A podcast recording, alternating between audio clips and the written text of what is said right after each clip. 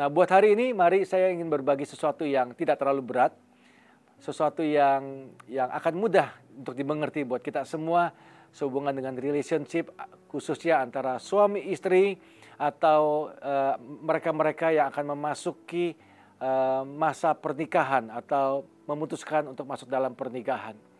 Nah, Bapak Ibu Saudara sekalian, kita sebagai manusia sepanjang kita hidup kita akan mengalami banyak kesulitan ada hal-hal sulit yang akan kita temui. Dan dari sekian banyak hal sulit yang akan kita hadapi di dalam kehidupan kita, pernikahan adalah salah satu yang tersulit. Tidak banyak orang berhasil untuk mempertahankan pernikahannya. Ada begitu banyak upaya yang sudah dilakukan oleh orang-orang untuk membuat pernikahannya bahagia atau menjadi seperti yang dia inginkan, tapi akhirnya berakhir dengan perpisahan atau berakhir dengan air mata. Pernikahan memang bukan sesuatu yang mudah dan itu sebabnya pernikahan tidak ditujukan untuk anak-anak atau pernikahan tidak ditujukan untuk mereka sudah dewasa tapi masih bersifat seperti anak-anak. Pernikahan tidak menjadi mudah atau bukanlah hal yang mudah karena yang pertama pernikahan itu akan menyatukan dua pribadi menjadi satu. Dua jadi satu. Bayangkan betapa sulitnya dua pribadi lalu tiba-tiba memutuskan untuk menjadi satu dalam sebuah pernikahan dengan latar belakang yang berbeda, dengan pengalaman yang berbeda, dengan gaya yang berbeda dan lain sebagainya.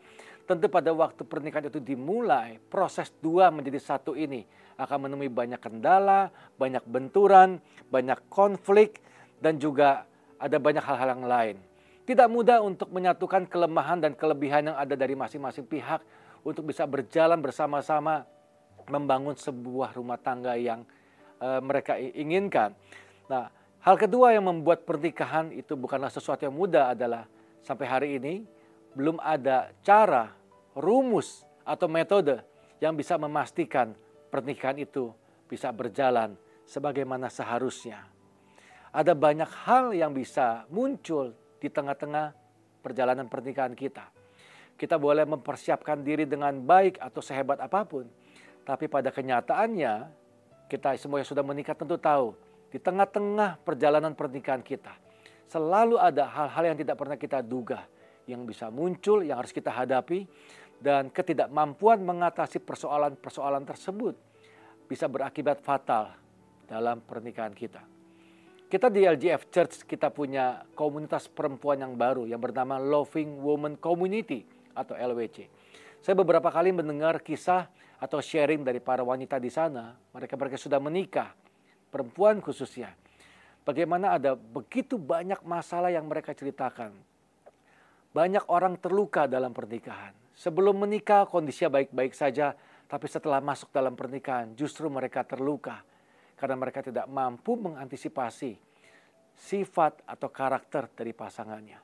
Mereka menjadi kecewa, ada banyak air mata keluar dari hidup mereka di dalam menjalani pernikahan. Ada banyak pengkhianatan, ada banyak penganiayaan, ada banyak kekerasan dalam rumah tangga. Semua diawali karena mereka tidak mengenal sifat daripada pasangan mereka masing-masing. Oleh sebab itu penting sekali untuk kita memastikan untuk mengenal siapa pasangan kita sebelum kita memutuskan untuk menikah. Karena kesalahan umum yang banyak terjadi oleh mereka yang masuk dalam pernikahan adalah mereka memulai sebuah pernikahan tanpa mereka mengenal dengan benar sifat, karakter, kelebihan maupun kekurangan dari pasangan yang ada. Banyak di antara mereka atau mungkin termasuk kita, mereka masuk dalam dalam pernikahan hanya karena dorongan nafsu, hanya karena faktor umur, saya sudah usia sekian, kalau saya nggak menikah sekarang nanti terlambat. Saya saya menikah karena sudah dipaksa oleh orang tua dan ada ada banyak alasan-alasan lainnya. Dan pada akhirnya pada waktu pernikahan diputuskan oleh karena dorongan-dorongan yang tidak esensi, tapi melupakan sesuatu yang penting, yaitu perlunya pengenalan yang mendalam antara kita dengan orang yang akan kita ajak bersama-sama dalam pernikahan. Tentu akan mengakibatkan atau menimbulkan banyak hal di dalam pernikahan itu nanti.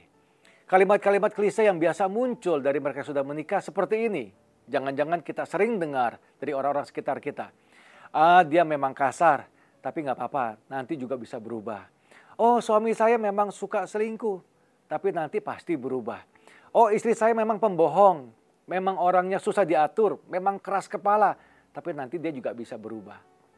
Atau kalimat yang lain, saya nggak nyangka saya menikahi orang yang salah. Dulu dia baik, tapi sekarang dia tidak baik. Dulu dia jujur, sekarang jadi nggak jujur. Dia dulu nggak seperti ini, tapi sekarang dia berubah. Atau yang kalimat yang lain yang mungkin kita sering dengar adalah, saya menyesal menikah dengan dia. Kalau saya tahu sifatnya seperti ini, kalau saya tahu karakter seperti ini, mungkin saya nggak akan pilih dia. Nah Bapak Ibu Saudara, kalimat-kalimat tadi adalah bukti bagaimana mereka memasuki sebuah pernikahan yang begitu penting tanpa sebuah pengenalan yang benar akan sifat daripada pasangan masing-masing. Ada orang berkata seperti ini, Bapak Ibu Saudara. Pernikahan itu bisa membuat orang berubah. Saya mau katakan tidak sebetulnya itu benar. Pernikahan tidak selalu membuat orang itu berubah. Yang membuat orang berubah adalah tekanan, masalah, dan konflik bertubi-tubi yang muncul di dalam pernikahan. Saya ulangi sekali lagi. Pernikahan tidak selalu membuat orang berubah. Yang membuat orang berubah adalah munculnya masalah, konflik yang tidak berkesudahan, pengkhianatan, tekanan, stres, dan lain-lain. Hal-hal itu yang membuat orang bisa berubah. Tahukah bahwa tekanan dan konflik itu akan memunculkan apa yang disembunyikan oleh seseorang selama ini? Sadarkah kita semua bahwa stres atau juga tekanan-tekanan yang besar itu bisa memunculkan hal-hal yang baru yang tidak kita duga di dalam perjalanan pernikahan kita. Nah, oleh sebab itu, jangan pernah memasuki pernikahan atau membuat komitmen yang penting sebelum kita kenal betul siapa pasangan kita, siapa calon suami kita, atau siapa calon istri kita. Atau kita yang sudah terlanjur menikah, mari mulai hari ini belajar untuk mengenali bagaimana cara mendeteksi dan membuat pengenalan kita akan pasangan kita itu bertambah lebih baik dari sebelumnya. Tahukah Bapak Ibu Saudara sekalian bahwa perlu lebih dari sekedar bersama untuk bisa saling mengenal? Saya ulangi, perlu lebih dari sekedar bersama-sama untuk bisa saling mengenal. Bertemu secara rutin tidak menjamin kita mengenal pasangan kita dengan baik. Bekerja bersama-sama juga tidak menjamin kita mengenal betul pasangan kita baik-baik. Bahkan bekerja di ruangan yang sama tidak menjamin seseorang bisa mengenal dengan baik. Yesus juga mengalami hal yang sama dengan murid-muridnya. Mari saya ajak kita buka firman Tuhan di dalam Matius pasal ke-16 ayat yang ke-13 sampai 17. Firman Tuhan berkata demikian. Setelah Yesus tiba di daerah Kaisaria Filipi, Yesus bertanya kepada murid-muridnya, kata orang, siapakah anak manusia itu? Jawab mereka, ada yang mengatakan Yohanes Pembaptis, ada juga yang mengatakan Elia, dan ada pula yang mengatakan Yeremia atau salah seorang dari para nabi. Lalu Yesus bertanya kepada mereka, "Tetapi apa katamu? Siapakah aku ini?" Maka jawab Simon Petrus, "Engkau adalah Mesias, anak Allah yang hidup." Kata Yesus kepadanya, "Berbahagialah engkau Simon bin Yunus, Sebab bukan manusia yang menyatakan itu kepadamu, melainkan Bapakku yang di sorga. Dari cerita ini kita bisa mendapati sebuah kenyataan bagaimana murid-murid Yesus pun tidak mengenal siapa guru mereka, siapa Yesus. Pada waktu Yesus bertanya, siapakah anak manusia itu? Dari semua murid-murid yang hadir, hanya satu yang menjawab benar bahwa dia adalah Mesias, anak Allah yang hidup. Yang lain berkata bahwa uh, yang lain berkata bahwa engkau adalah Elia. Ada lagi berkata bahwa engkau adalah salah seorang dari para nabi. Bayangkan dari sekian banyak murid Yesus, tidak ada menjawab benar kecuali satu orang yang bernama Petrus. Dia berkata bahwa engkau adalah Mesias anak Allah yang hidup. Bersama-sama tidak menjamin kita saling mengenal satu sama lain dengan baik. Perlu lebih dari sekedar bersama-sama untuk kita bisa saling mengenal. Karena relationship atau sebuah hubungan itu tidak selalu dibatasi oleh jarak. Saya ulangi, pengaruh daripada sebuah hubungan tidak selalu dibatasi oleh jarak. Jarak yang jauh tidak selalu membuat orang itu tidak mengenal satu sama lain. Begitu juga sebaliknya, jarak yang dekat tinggal bersama-sama tidak menjamin satu sama lain itu mengenal dengan baik. Dekat belum tentu kenal betul, tapi jauh belum tentu tidak mengenal. Sesama saudara kandung lahir dari ibu yang sama, tinggal di rumah yang sama, tidak menjamin mereka saling kenal satu sama lain. Bahkan sampai kepada suami istri yang sudah menikah 10 tahun, 15 tahun, 20 tahun. Belum tentu suami dan istri betul-betul mengenal sifat dari mereka masing-masing. Amsal 17 ayat 17 firman Tuhan berkata seperti ini. Seorang sahabat menaruh kasih setiap waktu dan menjadi seorang saudara dalam kesukaran. Lihat bagaimana sebuah relationship atau sebuah hubungan itu pengaruhnya itu tidak dibatasi oleh jarak. Dikatakan seorang sahabat itu bisa menaruh kasih, memberikan perhatian setiap waktu dan bisa menjadi seorang saudara, bersikap seperti saudara sendiri di dalam kesukaran. Amsal 18 ayat 24 firman Tuhan berkata, ada teman yang mendatangkan kecelakaan, tetapi ada juga sahabat yang lebih karib daripada seorang saudara. Pada kenyataannya di dalam kehidupan ini, tidak semua yang namanya saudara itu bisa hidup akur, hidup rukun. Benar gak? Kadang-kadang ada orang lain, teman, atau juga mungkin tetangga yang bisa bersikap kepada kita jauh lebih baik, jauh lebih perhatian, jauh lebih bisa mengerti kondisi kita dibanding saudara kita sendiri. Oleh sebab itu saya mau katakan sekali lagi bahwa perlu lebih dari sekedar bersama-sama untuk kita bisa saling mengenal satu sama lain, termasuk dalam hubungan suami istri. Tinggal serumah tidak menjamin suami istri saling mengenal. Tinggal satu kamar tidak menjamin suami istri itu pasti saling mengenal. Bahkan tinggal di ranjang yang sama, tidur di ranjang yang sama. Bukan jaminan istri bisa mengenal siapa suaminya, begitu juga sebaliknya tidak akan menjamin bagaimana suami pasti mengenal istrinya, sekalipun mereka tinggal satu rumah, satu kamar, dan satu ranjang. Nah, kalau gitu apa saja yang perlu kita ketahui untuk kita bisa lebih mengenal daripada pasangan kita masing-masing? Saya mau, berbagi beberapa hal buat kita semua hari ini yang tidak terlalu berat. Saya mencatat ada empat hal yang perlu kita perhatikan baik-baik agar kita bisa mengenal betul siapakah pasangan kita sebenarnya. Yang pertama adalah tentang sifat dasar. Kita harus mengetahui tentang sifat dasar atau sifat yang dimiliki oleh pasangan kita. Manusia memiliki empat sifat dasar. Para psikologi membaginya dengan berbagai istilah. Ada yang menyebut bahwa sifat manusia dibagi dengan istilah si sanguin, si melankolik, si flegmatik maupun si uh, perfeksionis. Ada lagi yang menggunakan warna, ada warna merah, biru, kuning, hijau. Ada lagi yang menggunakan istilah dominan, intim, stabil, cermat. Nah, kita perlu ketahui betul pasangan kita sifatnya seperti apa. Sifat dasar yang membentuk kehidupannya. Sifat manusia yang pertama dimulai dari ada ada orang-orang yang bersifat itu orang-orang yang tegas, dia seorang pemimpin, dia si pengambil keputusan, dia yang memberikan jalan keluar, dia memberikan visi, orang-orang yang teguh. Ada orang-orang yang seperti itu.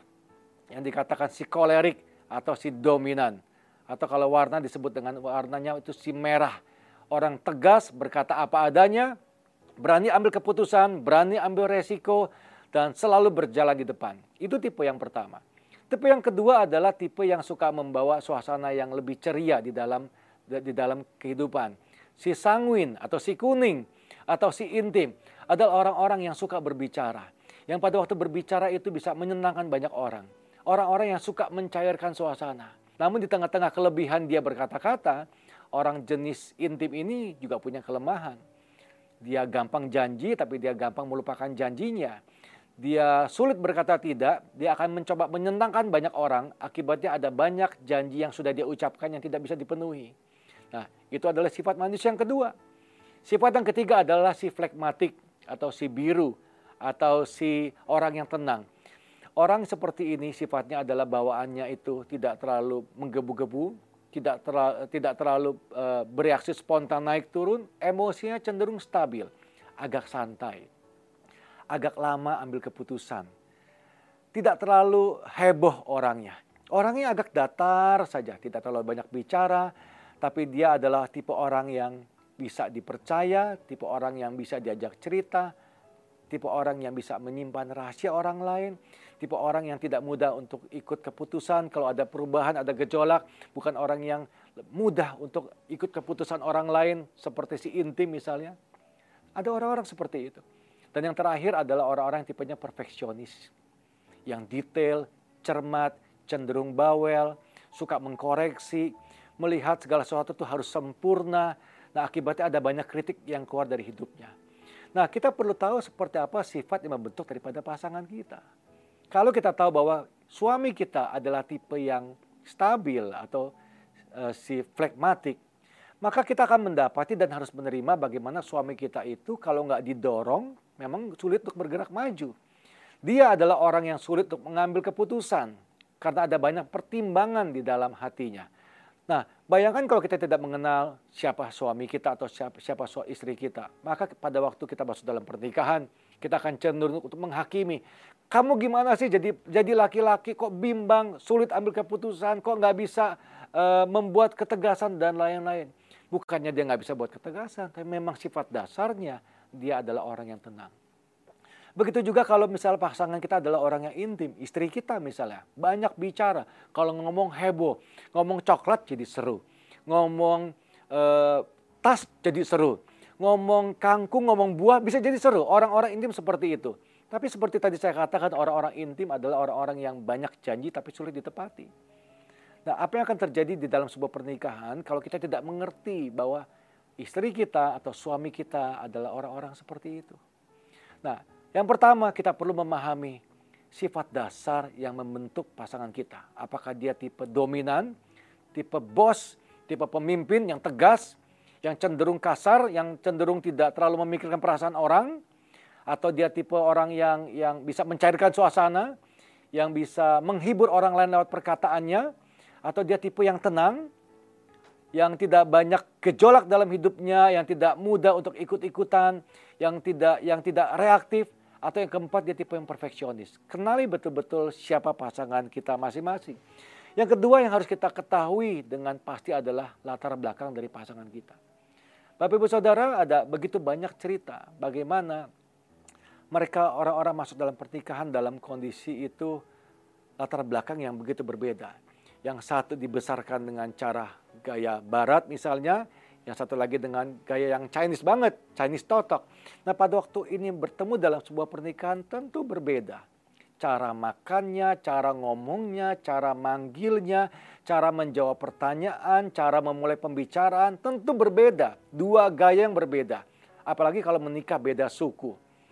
Suku yang sama saja, tapi kalau dibesarkan dengan status sosial yang berbeda, hasilnya juga berbeda. Yang satu dibesarkan dari keluarga yang berpendidikan, yang satu yang tidak terlalu mementingkan pendidikan. Maka pada waktu bertemu tentu akan berbeda cara berbicaranya dan, dan cara berpikirnya. Kita perlu tahu suami kita latar belakangnya siapa, keluarganya dari mana, ada masalah apa, pernah ada kejadian apa. Kita perlu tahu karena suka atau tidak suka.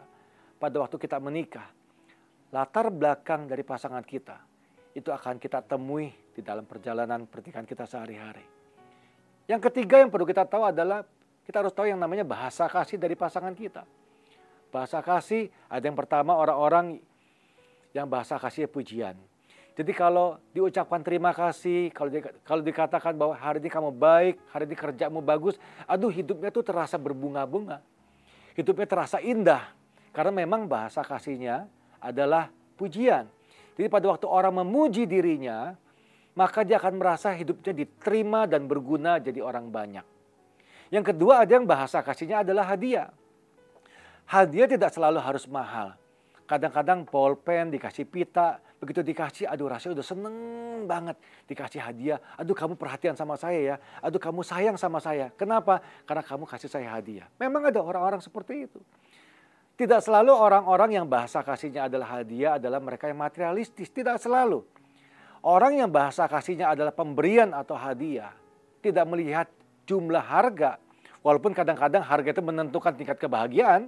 Tapi sering kali penerimaan mereka rasakan pada waktu mereka mendapatkan sebuah pemberian dari orang-orang yang terdekat yang yang yang mereka kasih.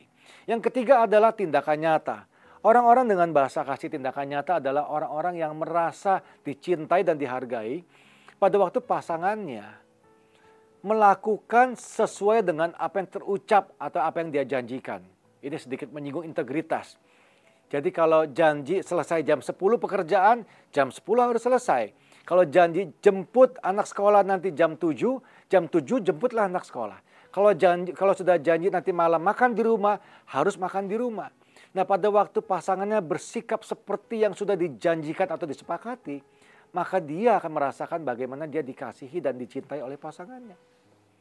Yang keempat bahasa kasih itu ada yang namanya sentuhan fisik. Dipegang, dipeluk, dicium. Nah kita perlu tahu bahasa kasih dari pasangan kita itu apa. Bayangkan kalau misalnya bahasa kasih dari pasangan kita dia itu adalah tindakan nyata, tapi pada waktu terjadi konflik, kita berikan dia hadiah. Tentu dia tidak akan mengapresiasi hadiah yang kita siapkan. Dan gilanya adalah pada waktu kita sudah kasih hadiah, mungkin kita berikan harga cukup mahal, kita keluarkan tabungan kita, kita kasih ke pasangan kita dan dia nggak terima. Kita balik marah, kita berkata bahwa kamu nggak menghargai pemberian saya. Padahal masalahnya adalah bahasa kasih dari pasangan kita itu bukan hadiah. Jadi kita kasih hadiah itu tidak akan berarti banyak dalam hidupnya. Nah pada akhirnya bagaimana kita bisa mengetahui hal-hal seperti ini? Kita harus belajar. Bapak Ibu belajar baik-baik. Kalau kita selama ini sibuk cari uang, kita habiskan banyak waktu, banyak energi untuk cari uang. Kenapa kita nggak pernah sisipkan waktu kita untuk belajar tentang bagaimana membangun pernikahan kita, mengenali pasangan kita dengan baik. Karena suka tidak suka, pengenalan kita akan akan pasangan kita itu akan, itu akan membantu bagaimana kita bisa menjalankan pernikahan itu dengan baik sebaiknya. Yang keempat dan terakhir, apa yang harus kita ketahui dari pasangan kita adalah kenali luka yang dibawa oleh pasangan kita masing-masing. Satu ketika ada seorang eh, eh, laki-laki, seorang suami yang konseling dengan saya, dan di, di dalam cerita itu dia berkata bagaimana dia sudah memasuki pernikahan di tahun ke-12 atau ke-14 saya lupa. Tapi mereka berhubungan secara suami istri 12 atau 14 tahun pernikahan itu tidak lebih dari lima kali.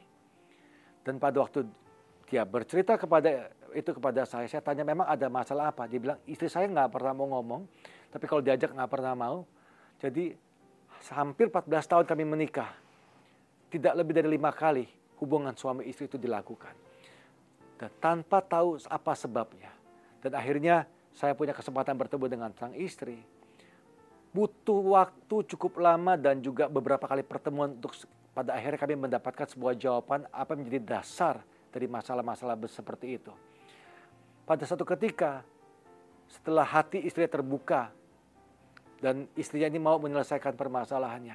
Sang istri baru berkata bahwa pada waktu dia kecil di usia 12 tahun Ternyata istrinya ini pernah diperkosa oleh temannya yang dia anggap seperti kakaknya sendiri. Jadi orang lain bukan saudara kandung yang dia anggap kakak itu memperkosa dia di usia 12 tahun dan itu membuat dia trauma sangat besar. Setelah kejadian itu, dia nggak berani cerita kepada orang tuanya dan juga kepada siapa pun. Dia simpan itu, jadi dia tumbuh besar dalam luka yang begitu besar, luka yang begitu hebat dan trauma yang dalam. Dan tidak lama setelah kejadian itu dia memutuskan bahwa sampai kapan pun saya tidak akan menikah dengan laki-laki karena saya benci dengan laki-laki. Waktu berjalan lalu tibalah dia bertemu dengan laki-laki menjadi suaminya sekarang. Entah karena dasar apa mereka menikah tapi pada waktu mereka menikah, setelah mereka menikah, pada waktu hubungan intim itu mau dilakukan, setiap kali baru mau dimulai, istri itu teringat dengan apa yang terjadi sekian puluh tahun yang lalu di hidupnya. Dan itu membuat dia menolak. Nah bayangkan apa yang terjadi kalau suami ini tidak mengetahui luka yang dibawa oleh istrinya. Bisa terjadi keributan besar, bisa terjadi perselingkuhan, dan hal-hal yang tidak seharusnya semua dimulai karena tidak tahu atau tidak mengenali luka yang dibawa oleh masing-masing pasangan. Mari mulai hari ini belajar ngobrol dengan pasangan kita masing-masing. Cari tahu apa yang terjadi dengan kehidupan suami saya waktu dia kecil, bagaimana keluarganya, begitu juga dengan istri, apa yang terjadi dengan dia pada waktu dia masih kecil. Nah, kenali luka-luka yang ada, lalu bersepakatlah untuk membereskan semua yang belum selesai itu. Karena luka yang tidak diselesaikan akan terbawa masuk dalam pernikahan dan itu akan mengakibatkan banyak kekecewaan dan penderitaan maupun air mata dan itu akan sangat sulit sekali untuk diselesaikan sebelum luka itu disembuhkan. Jadi mari belajar bersama-sama untuk saling bercerita, mengenali sifat daripada pasangan kita masing-masing. Ingat bahwa pernikahan itu bukan untuk menjadi sama, tapi untuk menjadi satu. Kesalahan yang sering terjadi dalam sebuah pernikahan adalah kita paksa pasangan kita untuk mengerti apa yang ada di pikiran kita. Kita paksa dia untuk jadi yang seperti kita mau. Nggak mungkin bisa Bapak Ibu Saudara. Setiap orang diciptakan itu unik. Tuhan menciptakannya unik, ada kelebihannya dan kekurangannya masing-masing. Terima apa yang menjadi kelebihan maupun kekurangan dari pasangan kita. Karena dengan begitu baru kita bisa berjalan atau bersepakat dan memulai langkah bersama-sama ke depan. Jangan pernah membandingkan pasangan kita kepada orang lain. Jangan pernah bilang bahwa dia lebih baik, dia lebih mampu, dia lebih pintar, sedangkan kamu begini, kamu begitu. Percayalah, kata-kata penghakiman itu sangat disukai oleh iblis dan itu tidak pernah bisa menyelesaikan permasalahan yang ada. Jangan pernah bandingkan suamimu, istrimu, atau anak-anakmu dengan hidup orang lain. Karena jangan-jangan kalau kita dibandingkan juga dengan orang lain, kita belum tentu lebih baik daripada orang-orang tersebut. Kenali juga area di mana pasangan kita itu perlu bertumbuh. Kalau kita tahu bahwa istri kita lemah di area ini, mari hadir, bantu selesaikan, berkomunikasilah sebanyak mungkin, berikan solusi dan jalan keluar. Sehingga apa menjadi kelemahannya dia, area-area di mana dia perlu dibantu itu bisa dengan cepat bertumbuh, menjadi pulih, sehingga menjadi baik. Nah kalau kita tidak pernah memberikan ruang untuk terjadi sebuah perubahan, kita cuma bisa marah, kita hanya bisa menghakimi, kita hanya bisa mencerca, mencela. Bagaimana mungkin pernikahan itu bisa menjadi utuh? Iblis senang dengan perpecahan Bapak Ibu Saudara. Dia tidak menginginkan adanya unity dalam sebuah pernikahan. Nah, tapi juga bagaimana mungkin bisa terjadi sebuah kesatuan kalau kita tidak pernah memberikan ruang satu sama lain untuk bertumbuh di area-area yang di mana itu menjadi hal yang kurang dalam kehidupan kita. Pada waktu kita mempunyai kasih Tuhan di dalam hidup kita masing-masing, tentu kita akan memberikan banyak kesempatan kepada pasangan kita untuk dia bisa pulih. Semuanya butuh waktu dan semuanya perlu dibicarakan. Pada akhirnya saya mau tutup firman Tuhan dengan poin yang satu ini. Baik suami maupun istri, harus sama-sama takut Tuhan. Salah satu penyebab kenapa masalah-masalah ada dalam hubungan itu tidak bisa diselesaikan karena mereka tidak membawa masalah tersebut kepada pihak yang sama. Tuhan adalah pribadi yang tepat untuk kita bawa masalah kita, pergumulan kita, beban kita. Pada waktu suami dan istri sama-sama membawa kepada Tuhan apa yang sedang mereka alami. Percayalah, jalan keluar dan pemulihan pasti Tuhan sediakan dalam rumah tangga kita. Mazmur 127 ayat yang pertama firman Tuhan berkata demikian. Jikalau bukan Tuhan yang membangun rumah, sia-sialah usaha orang yang membangunnya. Jikalau bukan Tuhan yang mengawal kota, sia-sialah pengawal berjaga-jaga. Mari belajar di bulan Februari ini. Belajar untuk memberikan ruang dan melibatkan Tuhan. Hadir dalam pernikahanmu, hadir untuk menyelesaikan permasalahanmu, berikan waktu dan ruang untuk Tuhan hadir menanggung beban di dalam hubungan-hubungan yang rusak hari-hari ini. Pernikahan itu penting di mata Tuhan karena lewat pernikahan kita menggambarkan atau menampilkan gambar tentang Yesus, tentang Kristus kepada umatnya. Pada waktu kita memiliki pernikahan yang baik, orang-orang di sekitar kita akan bisa melihat keindahan yang terjadi pada waktu Tuhan hadir atas umatnya. Kita menampilkan bagaimana gambaran Kristus mengasihi jemaatnya lewat pernikahan kita. Pernikahan juga akan melahirkan sebuah generasi yang baru. Kita akan melahirkan anak-anak.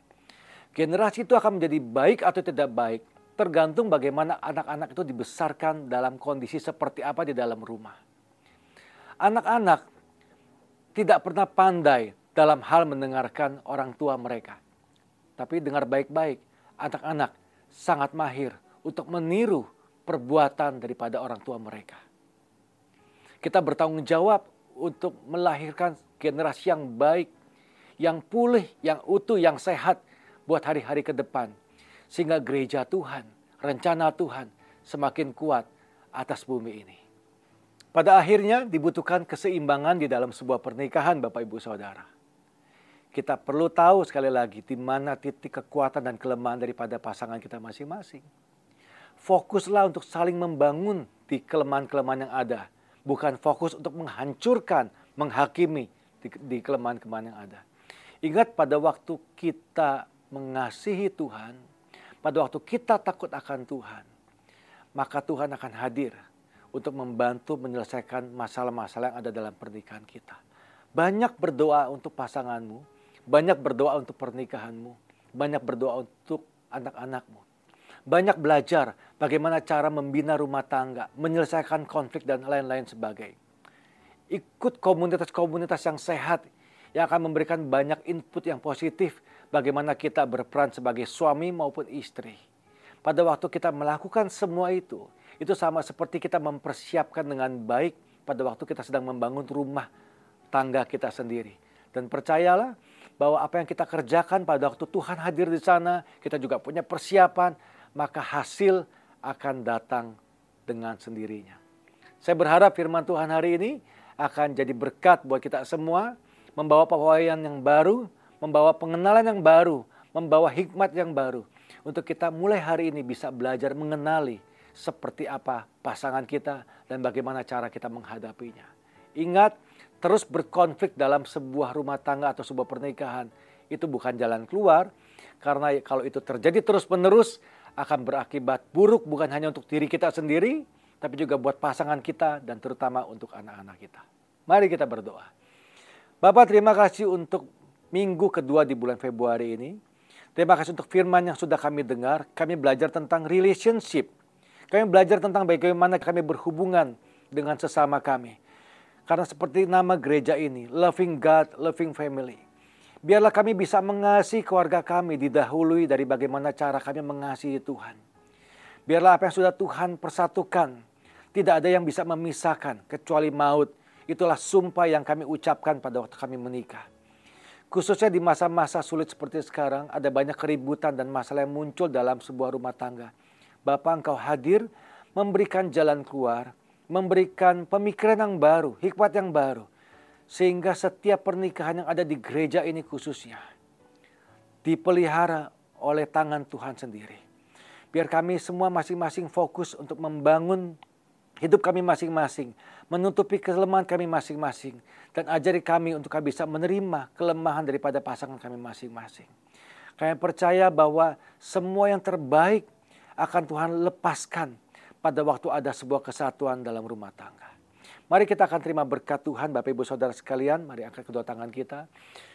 Semua jemaat yang dikasih oleh Tuhan Yesus terimalah berkat yang berlimpah-limpah dari Bapa di surga. Berkat lewat pengorbanan Tuhan Yesus Kristus di kayu salib. Juga penghiburan lewat roh kudus. Turun atas kita semua mulai hari ini sampai Maranatha. Semua yang menerima berkat Tuhan sama-sama katakan amin. Selamat hari Minggu semuanya. Tuhan Yesus berkati. Sampai ketemu di ibadah minggu depan. Shalom.